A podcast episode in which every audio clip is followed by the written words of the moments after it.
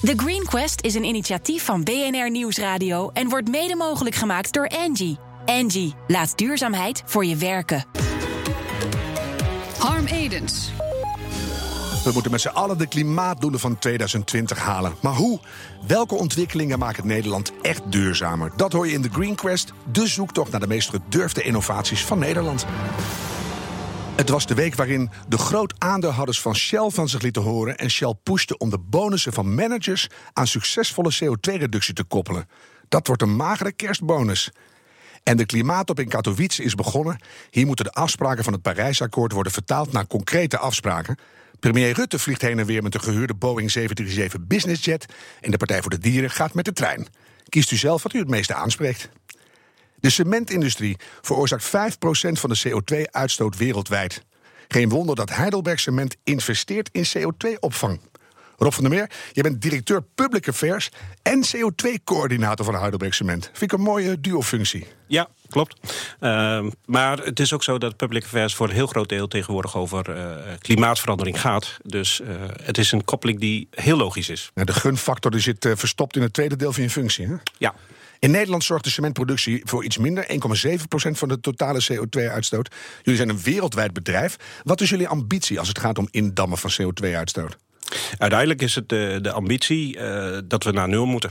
Uh, maar het grote probleem dat wij zien in dit uh, realiseren van de nul is, uh, los van allerlei moeilijke vragen over politiek en weet ik wat allemaal, daar komen we misschien nog wel op.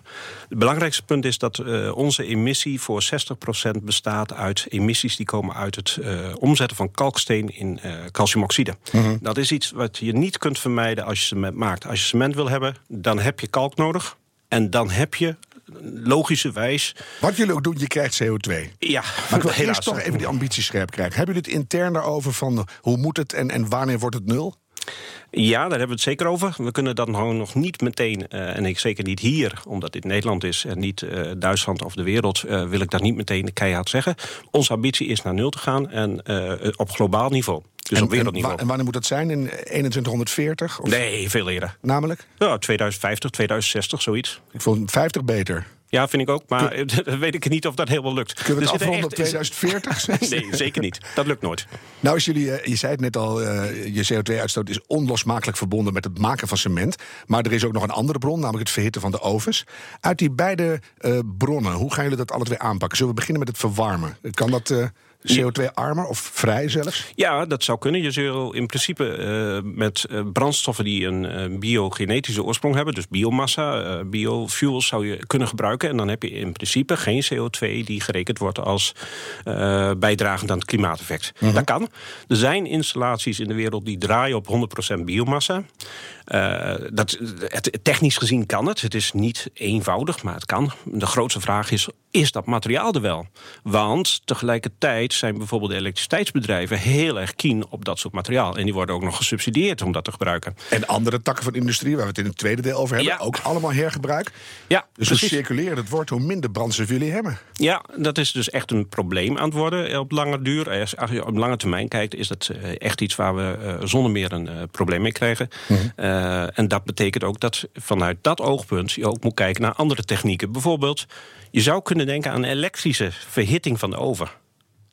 Je kijkt me zo aan. Je Mooi. kijkt erbij alsof je het ei van Columbus zojuist hebt ge... Ja, want wij doen dat. Wij zijn bezig met een researchproject in Zweden. Met de Zweedse overheid om te kijken... kunnen wij die oven draaien op elektrische energie? En dan denk je waarschijnlijk heet genoeg krijgen. Ja, dat, dat, dat- Daar gaat het om. En, en het gaat om een heleboel energie. Dus je hebt niet een kleine elektriciteitscentrale nodig. Het is niet een aansluitingje. Je hebt echt een elektriciteitscentrale ernaast nodig. Of heel veel windmolens, nog mooier. Mhm. Ja. Om het te doen. En dan is de vraag, wat voor technologie ga je gebruiken? Heb je het over plasmatechnologie? Daar zal het naartoe gaan. Mhm. Of ga je naar een traditionele oven? Dat is natuurlijk makkelijker. Traditionele oven is gewoon een verhitting. Die zou je kunnen gebruiken. Alleen ja, dan ben je bezig met echt oude technologie voor iets nieuws. Die willen we Plasma niet meer. dus. We willen nieuwe dingen. Nou, zie je, je zegt allemaal hele duidelijke dingen. 2040 hebben we, Nee. plasma hebben we. en dan het tweede, want dat is eigenlijk jullie grootste probleem. Als je van eh, kalk naar klinker gaat, zoals het heet. Ik heb me goed ingelezen, halffabrikaat voor het maken van cement. Dan stoot je heel veel CO2 uit. Ja. Hoe ga je daarvan afkomen? Nou, dat is dus echt een, een, een, een, echt een gigantisch probleem. Daar kom je dus niet van af. Die CO2 blijf je zeg maar uitstoten, tenzij je die CO2 zou kunnen afvangen. Mhm. En dat is waar wij bijvoorbeeld in eh, Noorwegen mee bezig zijn. Wij willen in Noorwegen op een van onze cementfabrieken een CO2-afvanginstallatie bouwen, een carbon capture installatie. Ja. En samen met de Noorse overheid die CO2 eh, per schip transporteren naar olievelden, oude olievelden in de Noordzee, om ze daar die CO2 onder te brengen in De eh, oude zoals het dan heet. Dat is de geologische, eh, ja, geologische opslag. Ja. Dus geological storage. Mhm. Maar nou hoor je ook alweer in dit hele groene circulaire wereldje dat storage eigenlijk weer ouderwets is. Want CO2 of de koolstof uit CO2 is gewoon weer een grondstof die we kunnen hergebruiken. Absoluut. Hoe ver zijn jullie daarmee? Ook redelijk ver. Allemaal goede vragen. Dankjewel. Dank je. Ehm, we zijn bijvoorbeeld bezig met het eh, in Marokko, dus weer een ander deel van de wereld. Hebben we, een, eh, we zijn bezig met het bouwen van een, eh, een, een hectare vol met algeninstallaties. Waar we CO2 van onszelf, uit onze eigen cementfabriek daar. Eh, oplossen in water. En dan laten we algen die CO2 omzetten in hun eigen product, dus algen. En die algen kun je gebruiken als visvoer voor eh, de vissers in de Atlantische Oceaan, de Marokkaanse vissers. Ik voel een stukje cirkel opkomen. Ja, ja, dit is cirkel. Kijk. En het leuke is, die, die plant van ons die staat gewoon in de woestijn. Er groeit helemaal niks. Ja. Dus we pakken geen land af. We pakken in, voegen in feite waarde toe. Nog mooier is, we hebben geen zoetwater nodig. Hè, eh, woestijn, zoetwater kan een probleem zijn. Mhm. We kunnen in feite brakwater gebruiken. Dus het is een, eh, echt een geweldig mooi project. En Ik kijk even heel diep aan, Rob. Waarom zou je niet onmiddellijk stoppen met die opslag in Noorwegen? Omdat eh, die ene oplossing in, eh, in, in, in Marokko, dat is één hectare. En dan hebben we het over ongeveer 5000 ton CO2 die we kunnen opvangen. Maken 400 hectare van, dan wordt het een beetje interessanter. Maar dan is het nog niet genoeg. Ik zou zeggen, maak er 400 hectare van. Ja, maar goed, het moet, het moet wel gedaan worden, moet gefinancierd worden. Maar zelfs met die 400 hectare hebben we die plant niet CO2-neutraal. Aha. En dat betekent voor mij, eh, als CO2-coördinator, wat het begin was van het gesprek. We hebben niet één oplossing die we moeten hebben. We moeten veel meer oplossingen hebben. Dus we moeten die carbon capture hebben, zoals in Noorwegen. We moeten eh, dat verhaal hebben van eh, Zweden met elektrische energie. Dus je hebt eigenlijk alles nodig nu nog. Dus je, je hebt eigenlijk ook nog nieuwe oplossingen nodig om met die koolstof weer aan de slag te gaan. En dat is waarschijnlijk toekomstmuziek. Ik denk, is een wereld zonder cement niet de beste oplossing? Ik denk het niet. Eerlijk gezegd, de hoeveelheid cement die op dit moment gebruikt wordt, is ongeveer 5 miljard ton per jaar in de wereld. Niet in Europa, gelukkig. Ehm, en ik denk dat in die wereld iedereen een eigen huisje wil hebben, of een eigen appartement. Iedereen wil op de een of andere manier verbonden zijn met infrastructuur en ergens heen kunnen gaan. En iem- iedereen wil ook.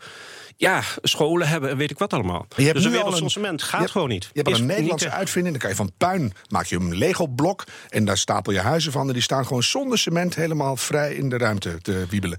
Ja, Helemaal supergoed. Dus dat kan. Je Mhm. kunt inderdaad eh, beton recyclen. Absoluut. Eh, dat is eh, zonder enig probleem mogelijk. De totale hoeveelheid beton die in Europa per jaar vrijkomt is ongeveer 300 miljoen ton. De totale productie van beton is ongeveer eh, pak een beter miljard ton, anderhalf miljard ton. Enorm veel Dus CO2 er is wat je veel kwijt meer. moet. Ja, er- maar er is dus veel meer beton nodig, Mhm. ook in Europa, ook in Nederland, dan er in feite beschikbaar komt aan afvalmateriaal. Ja, dus het groeit nog steeds. Het groeit nog steeds. Steeds meer CO2 moeten we vanaf. Wanneer denken jullie dat je het een beetje eh, verdeeld hebt? Zowel over de vissen als over de opslag. Dat je denkt, hé, hey, we staan een beetje op nul. Ja, dat zei ik dus. Ooit. maar maar niet in 2050 dan echt en pas- niet in 2040. Dat gaat echt niet lukken. Dat denk je nu, hè? Nee, Maar- dat weet ik wel zeker. Want eh, eh, kijk, een installatie bouwen zoals wij in Noorwegen willen doen... dat kost pak een beet 250, 300 miljoen euro. Nou, dat doe je niet elk jaar. We hebben de derde... Laat ik je onderbreken. Ik wil weten, in 2050, laten we mikken dat jullie dan CO2-neutraal zijn. Hoe maak je daar een kloppend businessmodel bij? Want daar ze ze hebben nu naartoe aan het fietsen. Die hebben jullie nog niet. Wat heb je nodig? Je hebt een overheid nodig die zorgt, die vraagt om die eh, beton die CO2-neutraal of zeg maar lage CO2-waarde heeft. En daarvoor ook bereid is te betalen. Je hebt de standaarden voor nodig, normen voor nodig, die garanderen dat dat soort producten bij voorbaat gebruikt worden en niet de traditionele materialen. Ja. En wat je ook nodig hebt, is dat als je die investeringen doet in Nederland of in Europa, dat niet een Chinees of een Indiër met het exact hetzelfde materiaal, maar met een hoge carbon footprint naar Nederland komt. Maar dat mag dan niet meer, want je mag alleen goede spullen gebruiken, zei je al. Ja. Dus, eh, Nou, maar dat is wel een voorwaarde. En dat betekent dat de hele eh, discussies die je nu ziet, bijvoorbeeld van Trump, niet dat ik nu met Trump eens ben, maar wat je wel ziet, is dat je eh, de hele discussies over de, over de Wereldhandelsorganisatie, daar moet je gewoon ernstige vraagtekens bij zetten. ja, het staat Want- Trump niet zo erg op klimaat en zo. Nee, het was nee, meer nee, nee, nee. auto's. Dus, maar ik, ik snap je punt. Ja. Het moet een level playing field zijn. Exact. En met goede spullen. Dus een hoge CO2-beprijzing is voor jullie ook echt een uitkomst. Ja, maar die CO2-beprijzing kan dus niet unilateraal zijn. Alleen in Nederland of alleen in Europa. Want op dat moment, kijk, het is heel simpel. Noorwegen als voorbeeld. Als wij daar investeren in een CO2-capture-installatie, dan kost dat. Zeg die 300 300 miljoen. miljoen, Ja. plus nog een heleboel operationele kosten erbij. Nou, mooi. Dat betekent dat de cementprijs in Noorwegen, op basis daarvan, als we dat helemaal zelf zouden moeten betalen, verdubbelt. Ja. Mijn collega's in Spanje vinden dat super. Die zouden erg graag die cement transporteren naar Noorwegen en voor hun prijs verkopen. In India staan ze te juichen dan. In India staan ze te we maken, juichen. het, we maken het voor de hele wereld en dat we die hele rotsen opvangen. Ik ga je heel veel succes wensen. Dank je. Rob van der Meer van Heidelberg Cement. One man's trash is another man's treasure. De heren van Everuse beschouwen papierafval als magic dust... en maken daar hoogwaardige, circulare isolatiematten van. BNR Nieuwsradio. The Green Quest. Welkom bij deel 2 van de Green Quest. Elke week kiest ons Green Team uit alle aanmeldingen een bedrijf dat volgens hen een positieve impact maakt. En in juli kiezen zij de winnaar van de Green Quest Award. Maak kennis met de nieuwste toevoeging aan de Green Gallery. We have created a linear economic model. Make, use, dispose. We have a, um, a beautiful material here made entirely from waste material. It's come from the north of the Netherlands. But what if we designed products that we can reuse, refurbish, and repair? Dying to get our hands on this stuff. It's, it's magic. It's magic dust. Every blade of grass will touch the sunlight.